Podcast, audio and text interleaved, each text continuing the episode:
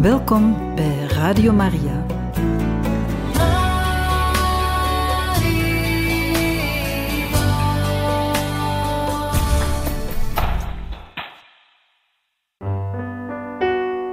U luistert naar Hagiografische Lectuur, een programma van Radio Maria, u gebracht door Martien Dollander.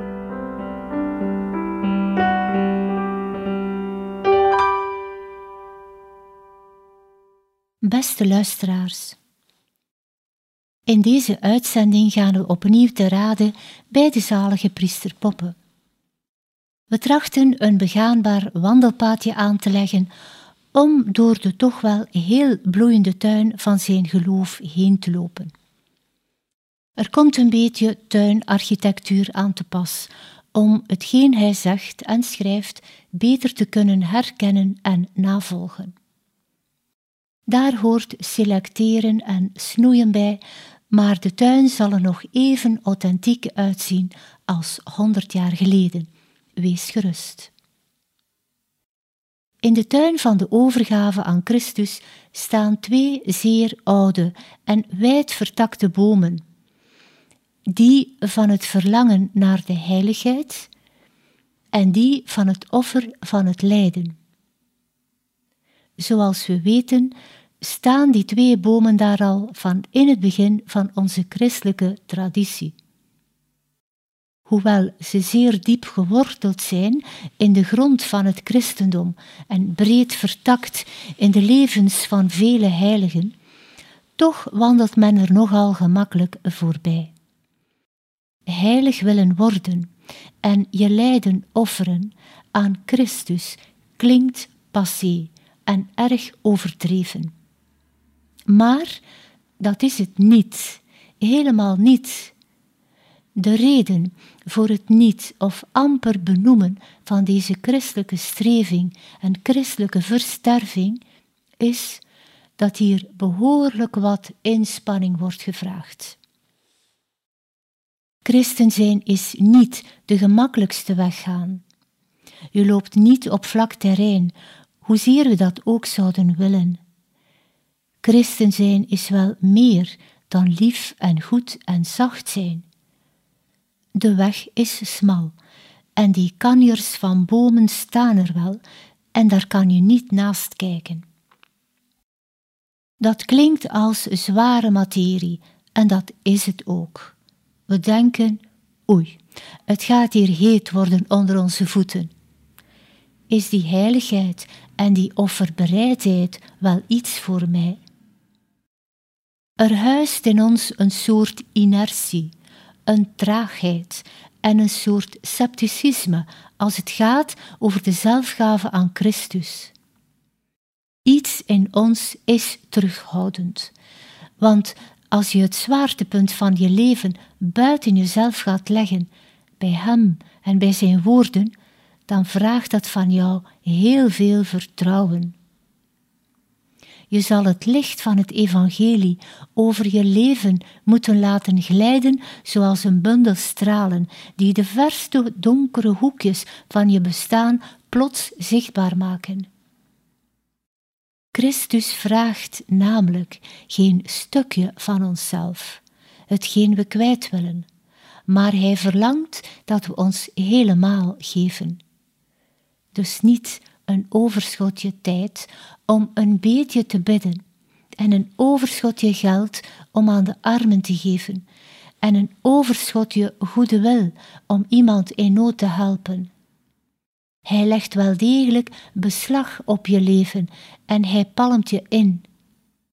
Dat horen we niet zo graag. We staan nogal graag op eigen benen en houden van zelfbeschikking. Priester Poppe is zeer duidelijk voor zijn sibisten en ook voor ons. Zonder heiligheid zijn we min of meer een galmen bekken, een schelle symbaal. Broeders, verkoopt geen klatergoud, wees geen lege vaten, wees heilig. Als dat geen klare taal is. En we gaan geen middenweg kiezen. We moeten heiligen worden. schreef hij een jaar na zijn priesterwijding aan zijn broer.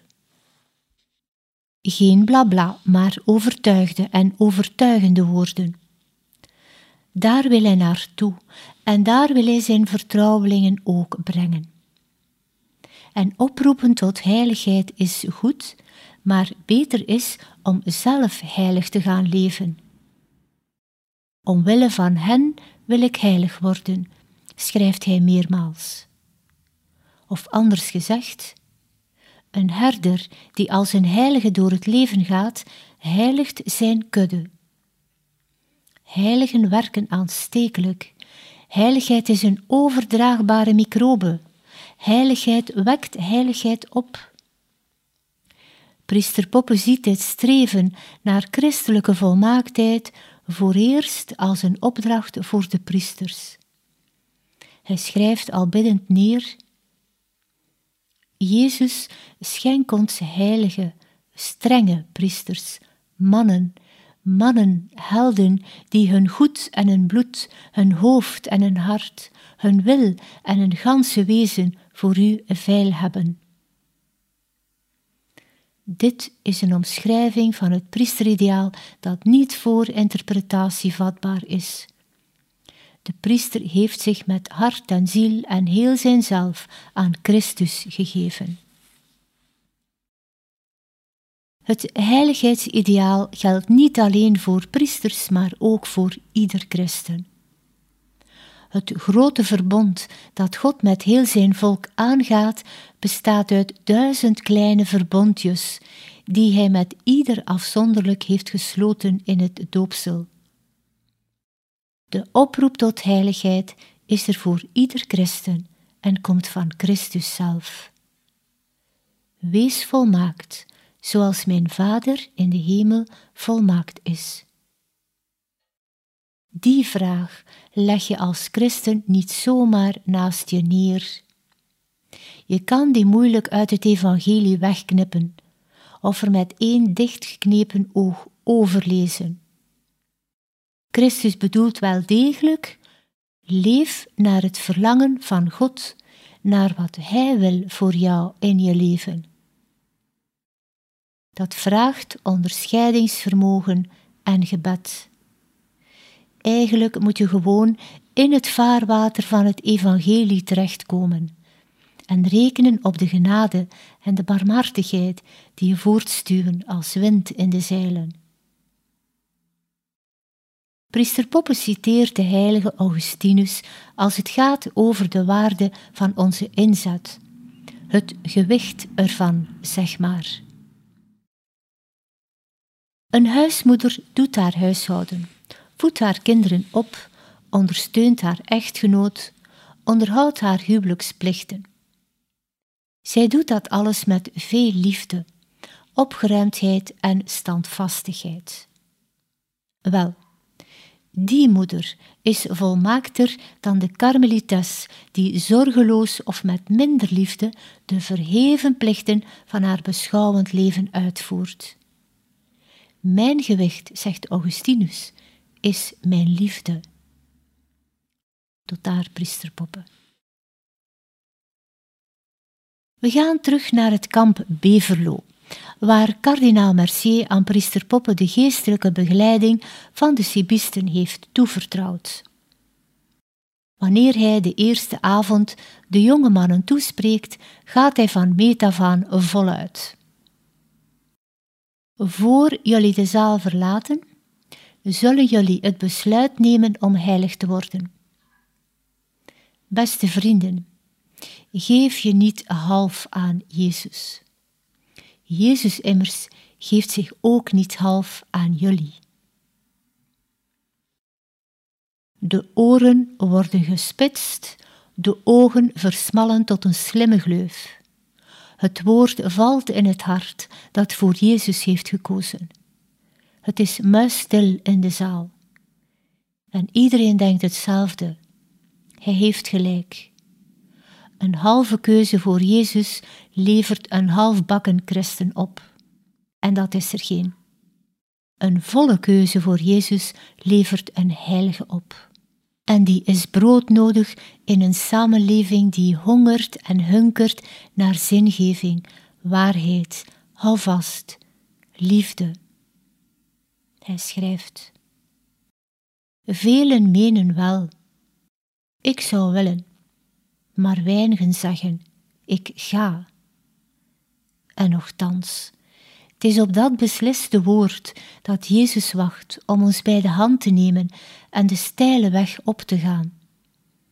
Velen durven het woord niet uitspreken, omdat zij in de grond alleen op zichzelf rekenen. En met het lijden en met een zwakheid bezig zijn, in plaats van met de kracht en de aanmoediging van Jezus genade.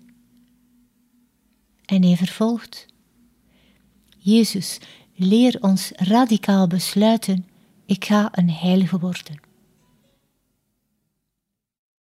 Op het programma staat dus de gehele zelfgave. Priesterpoppen is hierin erg rechtlijnig. De ruimte voor God is de ruimte voor God. Punt. Mag er dan echt niets voor jezelf overblijven? Een klein beetje ik, niet veel, dat kan toch geen kwaad? Eens kiezen voor de gulden middenweg. Iets voor jou en iets voor mij. Geven, ja, maar ook wat nemen. Mag ik dan niet aan mijn trekken komen? Wel nu, liefde laat geen sluipwegen toe. In de liefde zijn er geen achterpoortjes of vluchtroutes. Liefde bewerkt geen verdeeldheid, maar eenheid. Liefde heeft geen geheimen en liefde kent geen verborgen privéleven. Liefde zoekt zichzelf niet, zei Paulus al in de eerste brief aan de Corinthiërs, hoofdstuk 13, vers 5. Als dit zo is voor menselijke liefde, hoeveel te meer dan voor liefde tot God, die we als eerste beminnen. Je kan niet tegelijk twee richtingen uitkijken. Je moet kiezen en je prioriteiten leggen. Neem God als je grootste maatstaf voor je doen en laten in je leven. Dan mag je er zeker van zijn dat zijn hart opspringt van vreugde. Zoek eerst het koninkrijk en zijn gerechtigheid, en alles zal jou erbij gegeven worden. Liefde is als een sleutelbos om de deurtjes naar zijn hart te openen. En dat zijn er veel.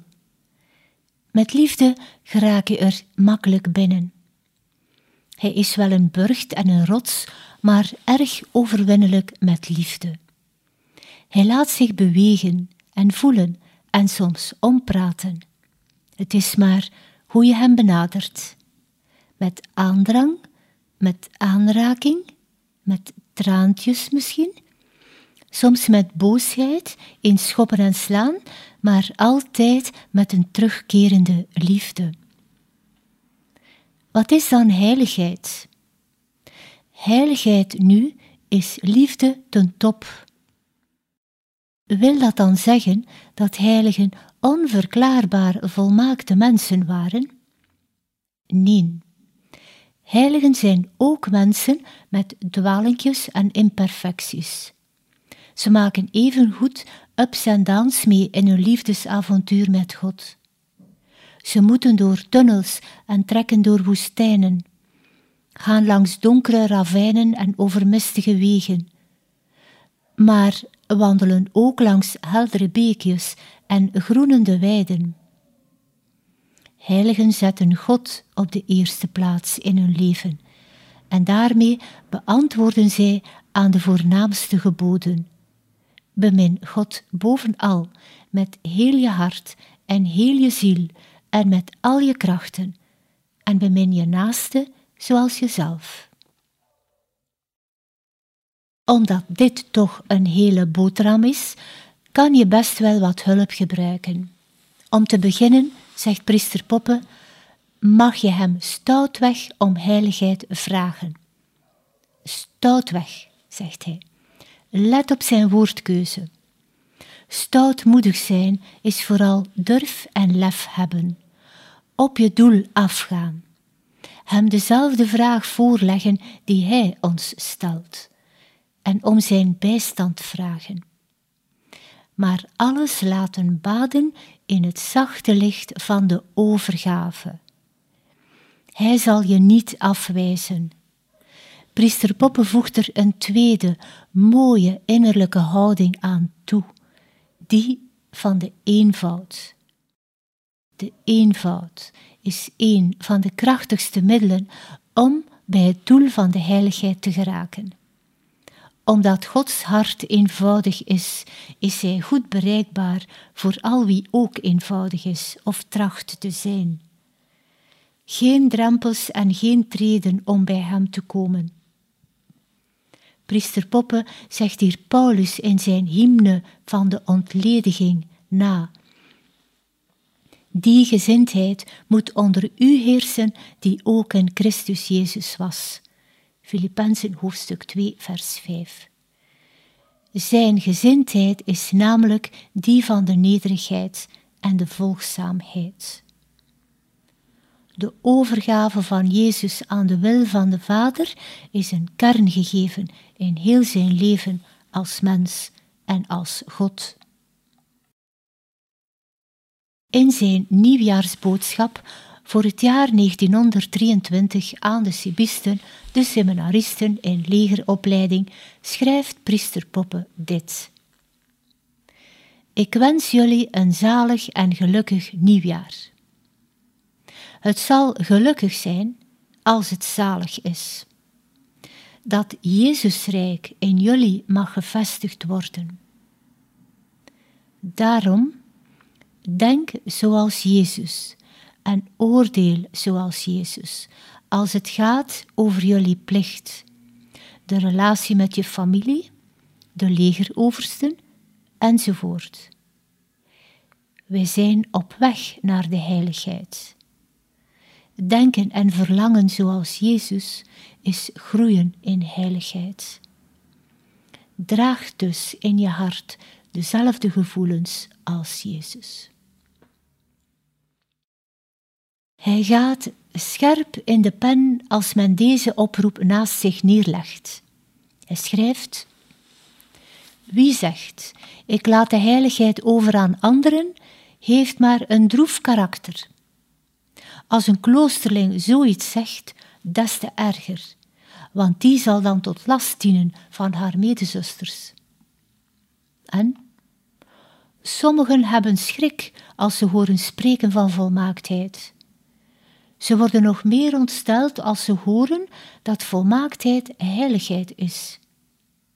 Ik heb nogthans veel gelezen en gezocht, en ik ben tot het besluit gekomen dat er maar één middel bestaat om waarlijk gelukkig te zijn in deze wereld die ze het tranendal noemen, en dat is: streef naar de volmaaktheid, word heilig. Heiligheid, synoniem overgave aan God, voorrangsliefde tot God is de ultieme doelstelling voor ieder christen. Maar dat is niet evident, want dat ideaal vraagt om inzet. Er zal zeker tegenwind komen en het zal af en toe voelen alsof je ideaal als een droom uit elkaar spat en je met een gevoel van onwerkelijkheid te maken krijgt. Priester Poppe is hier de raadgever bij uitstek. Hij spreekt uit ervaring. Door zijn verworven inzichten toont hij welke paden en weggetjes begaanbaar zijn, zoals een veldwachter doet op de Kalmthoutse heide. Je vermijdt toch liefst drijfzand en kuilen of nestjes van broedende vogels en ontluikende boshyacinthen. Daar trap je toch niet in of daar trap je toch niet op. Volg dus de pijlen die richting ga je best uit, zonder meer. Hij geeft de volgende raad. Pal tegenover de overgave staat de gejaagdheid. Zegt hij. Gejaagdheid wijst op angst of op concurrentie of op hebzucht. Overgave daarentegen brengt rust en vrede. Christenen zijn geen snelheidsduivels. Zij smijten zich niet in de rat race voor nog meer, nog sneller, nog hoger, nog straffer. Geen jacht- en jaagtaferelen die een absoluut tegengetuigenis zijn. Christenen verzamelen namelijk geen schatten op aarde, maar schatten in de hemel, waar geen dief bij kan en geen mot ze bederft. Lucas 12:33. Haast u, wees er als de kippen bij, nu of nooit, dat laat een christen koud. Waar hij wel een warme boodschap aan heeft, is het volgende. We laten priester Poppen aan het woord. De gejaagdheid is de ondergang van de godsvrucht, zegt de heilige Franciscus van Sales. Vrede, kalmte en rust geven de ware gemoedstemming. De gejaagdheid gunt ons de tijd niet om ingetogen te zijn voordat we beginnen te bidden. De gejaagdheid beroert en ontstelt ons. Ze brengt ons in de war tijdens het gebed. De gejaagdheid houdt ons ongerust, ontevreden, zenuwachtig, ook nog na het gebed. Vrede, kalmte en rust stellen ons in Gods aanwezigheid voordat we beginnen te bidden. Zij laten de ziel rusten in God door volle overgave in het gebed. Zij houden de ziel verenigd met God tijdens allerlei bezigheden en gebeurtenissen, ook na het gebed. De gejaagdheid wil verhoord worden, onmiddellijk. De berusting wil enkel God en zij wacht voor alles op het uur van God. Ik heb vertrouwen in U. Laat mij uw liefde aanvoelen, diep aanvoelen. Dit zegt priester Poppe. Jezus zou zeggen: Doe niet zoals de heidenen, die veel geld en goederen najagen en hele schuren volstouwen om hun leven veilig te stellen. Dat lukt hen toch niet, want God komt hen om verantwoording vragen en wanneer ze sterven, moeten ze toch alles achterlaten. Steek je energie dus in het zoeken naar het Rijk Gods en in het verzamelen van schatten in de hemel.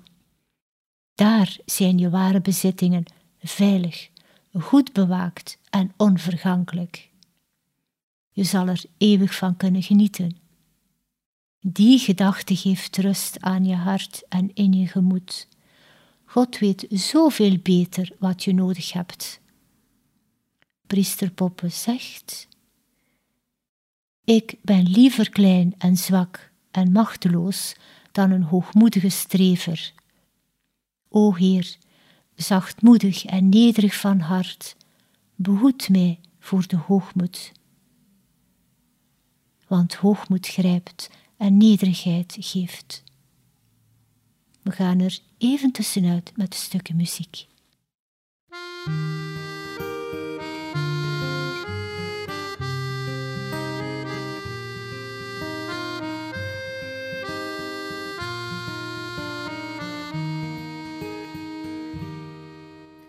De Heer is je schild en bevrijder,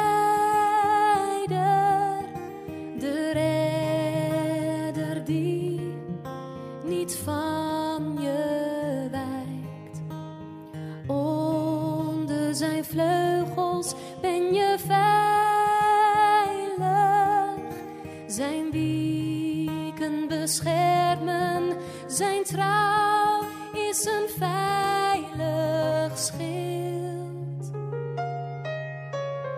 In Gods nabijheid is geen angst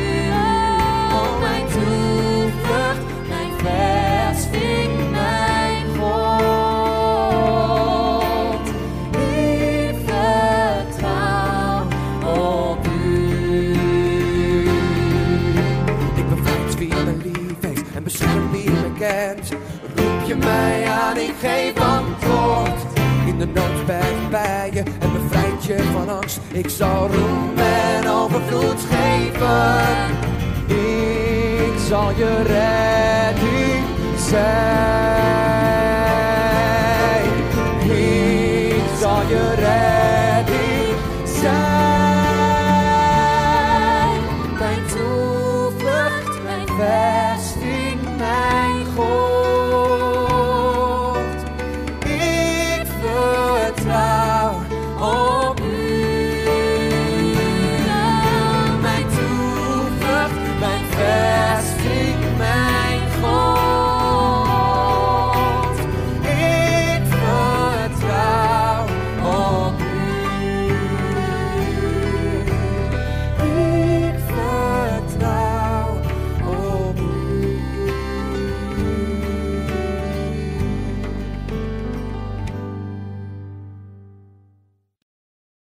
Betekent overgave hetzelfde als het gevecht staken en je aan de tegenpartij overleveren.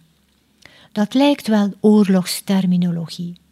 Dat is op je stappen terugkeren en je ongelijk erkennen. Het onderspit delven en met een bedrukt gezicht je onmacht toegeven. Overgave betekent hier totaal iets anders. Het is niet de fatalistische erkenning van je eigen falen, maar het is precies de erkenning van het uitzicht, de hoop, de vergeving. Overgave is daarom de geloofsbelijdenis van Gods almacht. Hij is almachtig in de liefde. God heeft nooit de bedoeling om je klein te krijgen. Hij wil jou niet doen plooien, desnoods met geweld. Hij stuurt het lijden niet op je af om je eronder te krijgen. Dat is een volkomen fout God speelt. God is niet de albeheerser die van zijn onderdanen strikte gehoorzaamheid eist en zijn wil aan jou oplegt. Nee, God is liefde, zachtheid, geduld, vrede, tederheid. God is vriendelijkheid, begrip, warmte, vrijgevigheid. God is helemaal liefde. En het is aan die liefde dat je jezelf kan geven. Dat vraagt heel veel vertrouwen.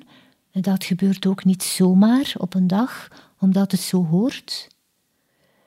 Het heeft ook aan priester Poppe heel wat gekost om die sprong in de afgrond van de liefde te wagen. Hij schrijft: Ik zie nu met welke overgave ik mij zou moeten uitleveren aan de liefde. En hij springt.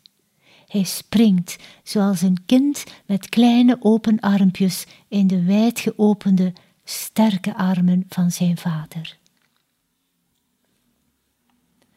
Overgave betekent ook aanvaarding. Het aanvaarden dat je door God bemind wordt. Geliefd zijn en je geliefd voelen is zo belangrijk voor je zelfbeeld. God wil je zelfbeeld precies versterken. Hij wil zo graag dat je gelukkig bent.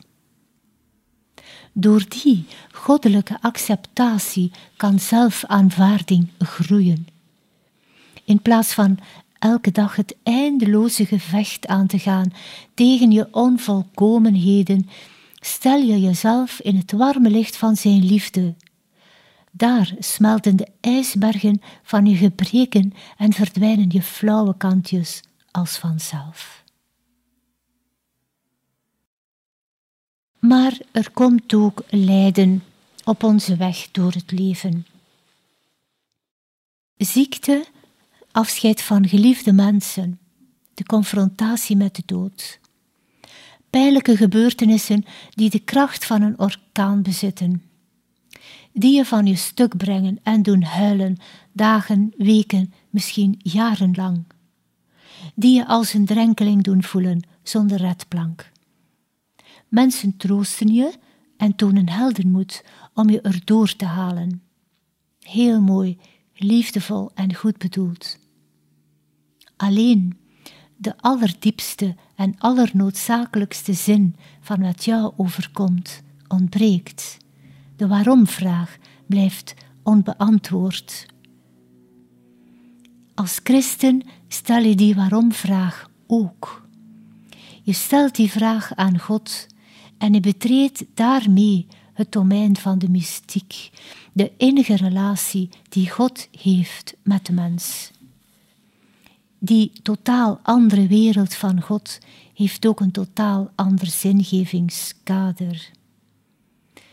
Priester Poppen noemt het de bovennatuurlijke wereld, waarin Gods bedoelingen spelen en werken. Soms als ondoorgrondelijke wegen, soms als heldere en verlichte wegen.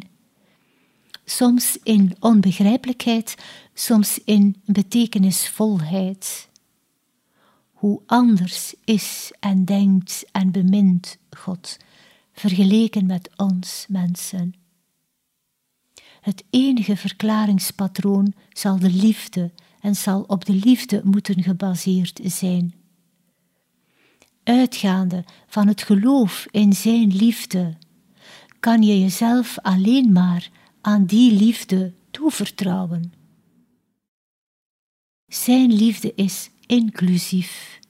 Hij bemint je met pijn, met al je pijn, je droefheid, je tegenslagen, met ziekte, jouw ziekte, je gevecht daartegen, met je zorgen en je slapeloze nachten met je vele vragen en verlangens. Hij omarmt niet alleen de goede, aantrekkelijke, sympathieke trekjes, trekjes van jezelf, maar vooral die onafgewerkte, dwaze, zondige kantjes waar je liever over zwijgt. Hij ontfermt zich over heel jouw persoon. Pas vanuit dat besef is het mogelijk om te tonen wie je echt bent. En tonen is geven, is doorgeven, afgeven, weggeven. Als priester Poppe spreekt over het offer van het lijden, dan bedoelt hij dit. Je gaat met je lastpak naar hem toe, met heel dat gewicht dat op je schouders, in je hart en in je gedachten meesleurt. Je legt het neer aan zijn voeten. Je laat het daar liggen.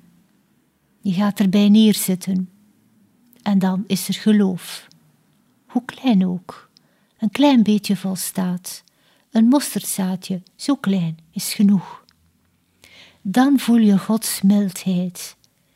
Hij vraagt niets, eist niets. Hij wijst je niet terecht. Hij is er alleen. Zacht, teder, innemend lief. Wat hij dan gaat doen met je last en lijden, dat laat je aan hem over. Daarin bestaat het offer. Het lijden zit ingebakken in het leven dat God ons heeft gegeven. En in dat leven zitten constructiefoutjes, denken we. Misschien is God toch niet zo geniaal in het scheppen van leven, of ziet hij niet goed, of riskeert hij te veel. Er is vreselijk veel leed op de wereld, en waarom doet hij niets? De vraag over de uitersten van het leven wordt vroeg of laat aan iedere gelovige gesteld. Als we die vraag aan priester Poppen stellen, dan geeft hij ons een richting van antwoord. Wat is God met het lijden? Wat doet Hij ermee? Het lijden is niet los te zien van de verlossing uit het lijden. Het lijden is geen muur waar je tegen aanbotst, maar een donkere tunnel waar je langzaam doorheen moet. Een lastig lezend levensboek met een onverwachte ontknoping. Het lijden heeft wel degelijk een functie, die er door het geloof in een liefdevolle God wordt ingelegd. Alles, werkelijk alles, laat Hij dienen tot ons heil. In zijn lijdensmeditaties tijdens de vasten van 1917 schrijft priester Poppe. Geloof mij, mediterende zielen. Het zal met uw lijden en met uw kruis zijn als met het kruis van Jezus. Lijden is lastig. En ook nu hoort u schimpen op het kruis. Ook nu hoort u zeggen: Als Hij God is, laat Hij het dan zien. Laat Hij de oorlog doen ophouden en wij zullen geloven. Nee, ze zouden niet geloven, evenmin als de Joden die Lazarus uit zijn graf hadden zien opstaan. Mediterende zielen, in het kruis ligt ons heil, het is ons kruis. In het kruis is genade. Een dag zal komen dat uw lijden in blijdschap verandert. Een dag breekt aan dat wij in eeuwige rust, in onuitsprekelijke vreugde, ons in Jezus' armen zullen verheugen over al de kruisen die wij hier blijmoedig verdroegen. Tot daar, priester Poppen. Door het gebed wordt het lijden buigzaam. De hardheid, het tegenmenselijke ervan, het uitzichtloze ervan, wordt erdoor aangeraakt. Gebed kan het lijden wentelen en wegen. Gebed kan het lijden richten en verlichten. Wie bidt, werkt eigenlijk mee met God. Wie bidt, wil stilaan zijn lijden afstaan aan God in vertrouwen, zodat Hij ermee kan doen wat Hij wil. Een citaat van priester Poppen nu. Het gebed, de genade, verminderen de moeilijkheid niet, ze geven wel kracht en blijdschap om de moeilijkheid te overwinnen. Een kruis verliest de helft van zijn gewicht zodra het ten volle wordt aanvaard. Het gebed bevordert het aanvaardingsproces. Het gebed van de lijdende mens komt binnen in het troostend en begrijpend hart van God. Hij leidt met je mee. Hij neemt je lijden niet weg, maar laat het op zijn schouders. Al het jouwe is van Hem. Hij voelt wat jij voelt en hij hoort wat je tot Hem zegt. Zo ver gaat zijn liefde dat niets, helemaal niets hem ontgaat. Hij staart je niet zwijgend en onverschillig aan terwijl je verdrinkt in verdriet. Dat zou een enorme contradictie zijn met wie hij is, liefde.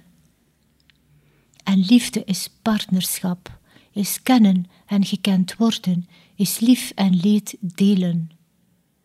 God kan niet anders dan je lijden en al het lijden en leed van de wereld doorvoelen, door zijn hart laten gaan. Zijn liefde is een overweldigend engagement ten aanzien van de mens. God stelt zich kwetsbaar op. God kan afgewezen worden.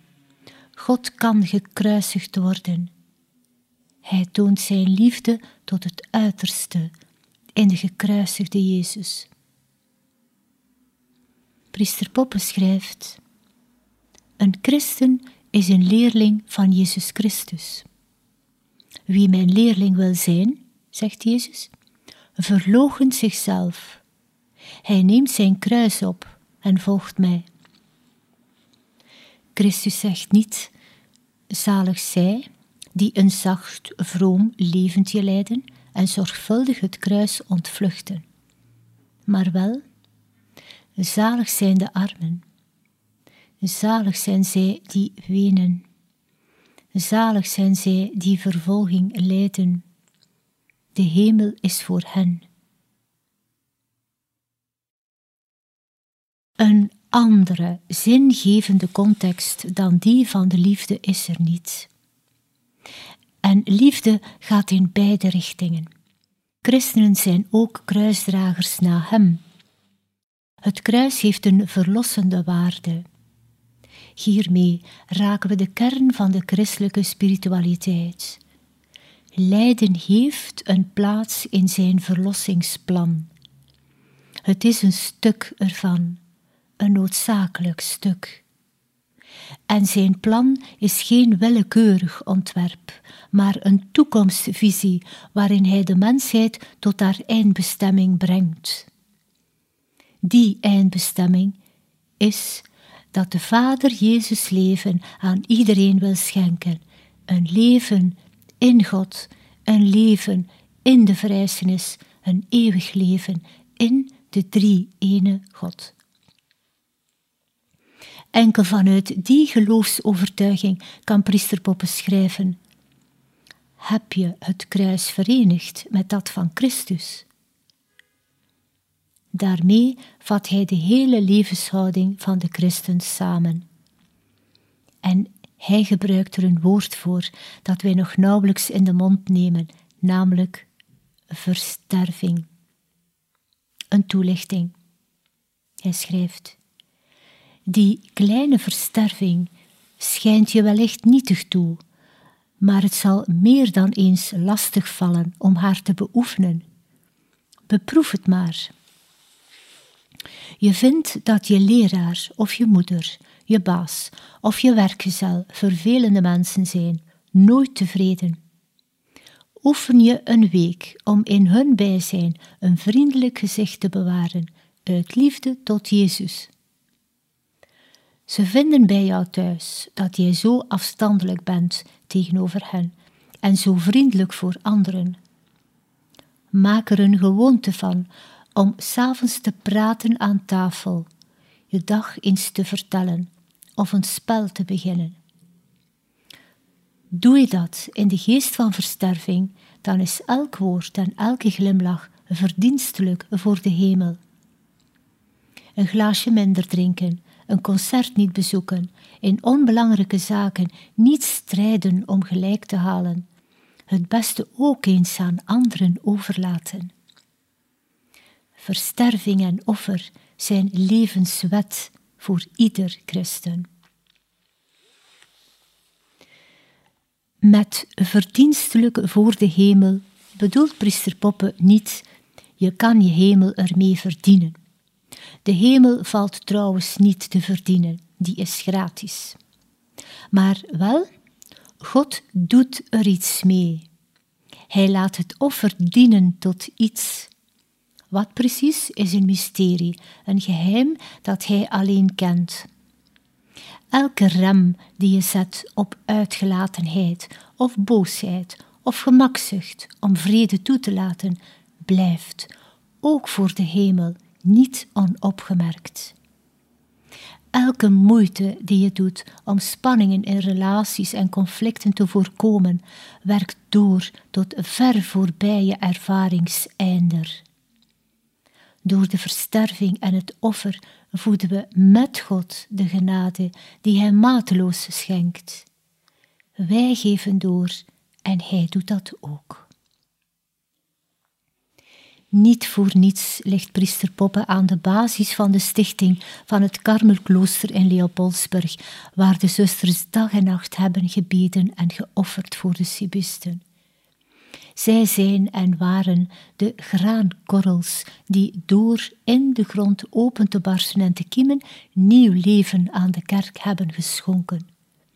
Wie offert, wordt moeder van de kerk, zoals Maria. Een moeder van de kerk brengt Christus opnieuw ter wereld. Priester Poppe leert de Eucharistische kruisdochtertjes al heel vroeg de waarde van het offer kennen. Hij vraagt om een bijzonder puntje te kiezen en hij legt uit. Sommige kruisdochters laten het plaatje van het bijzonder punt open op een weekbriefje. Anderen vullen het knap in.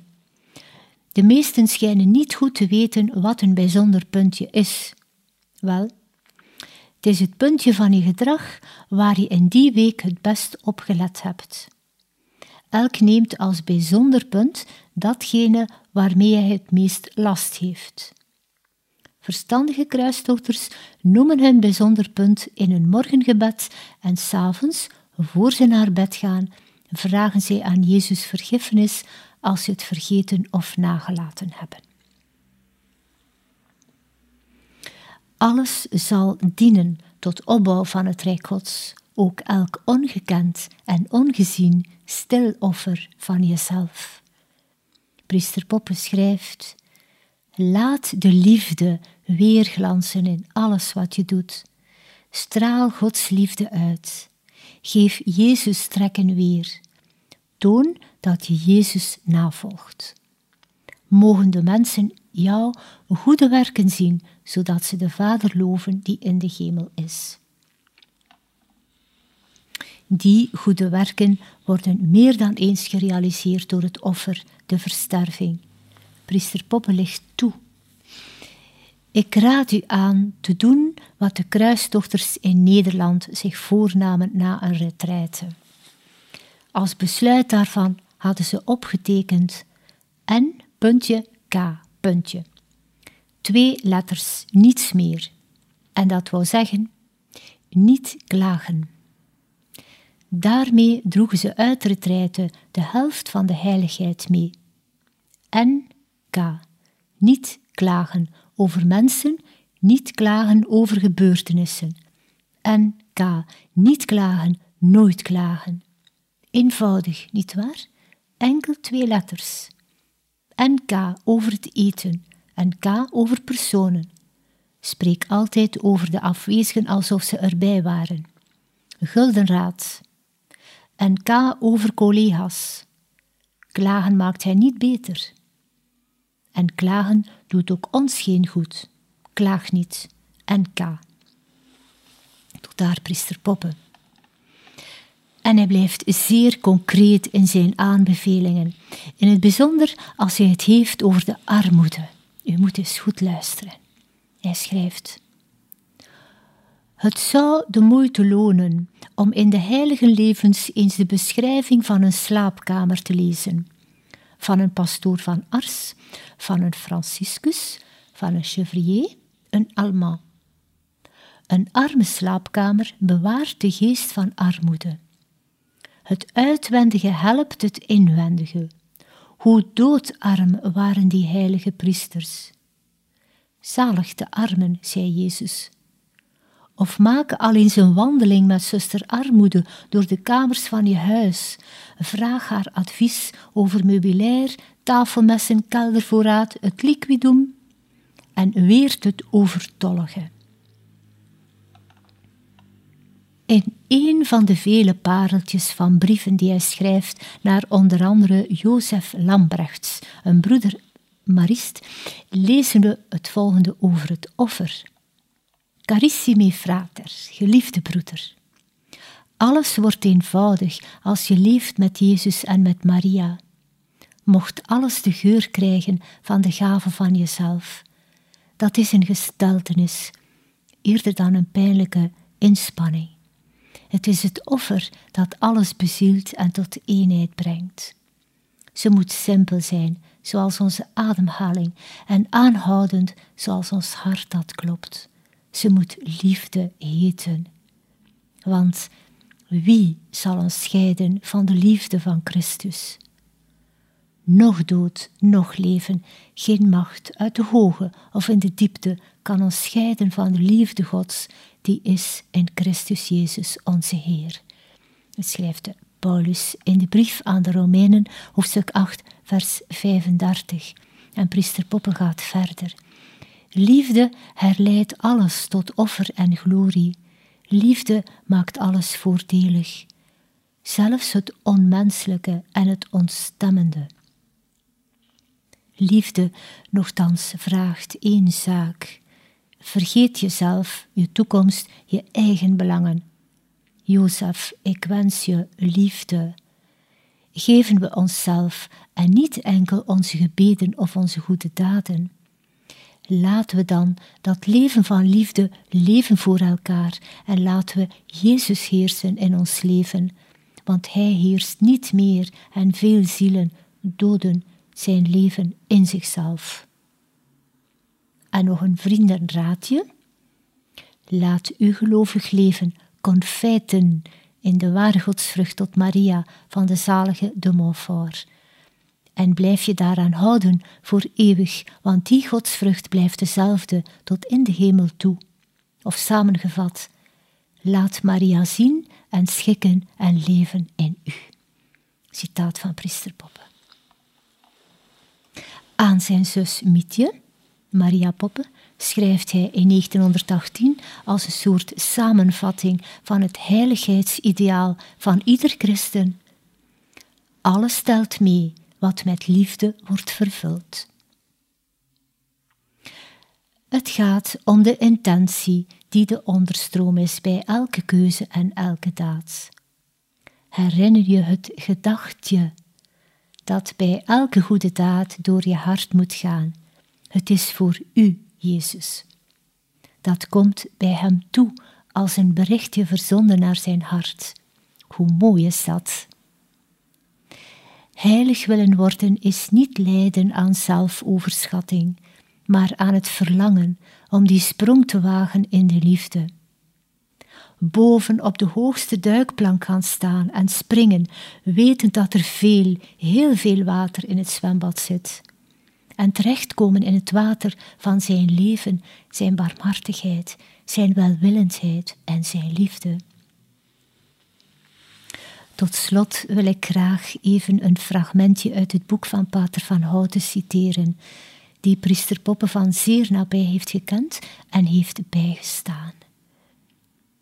Hij schrijft: De volledige overgave in liefde van jezelf, in de duizend kleine dingen van iedere dag. Het heldhaftig vervullen van de geringste bijzonderheden van het dagelijks leven jezelf in alles vergeten, jezelf in alles wegschenken, schrijft Edward als seminarist tijdens zijn retraite ter voorbereiding op het priesterschap. Het werd het leidmotief voor heel zijn leven. We kunnen dit boek niet besluiten zonder even te gewagen van een gedachte die als een gouden draad doorheen heel het leven van priester Poppe loopt, vanaf zijn priesterschap tot aan zijn dood. We bedoelen zijn gedachte, zijn verlangen om zichzelf te offeren voor de zielen. Hij bood zich aan om als de graankorrel in de aarde te verdwijnen en te sterven om vermenigvuldigd te worden. Deze gedachte schonk hem één maand voor zijn dood de zo lang betrachte en voorheen nooit bereikte vrede. Zo is elke christen een kleine graankorrel, zoals Christus is geweest, om in de grond open te barsten en leven te geven aan vele nieuwe volgelingen van de Heer.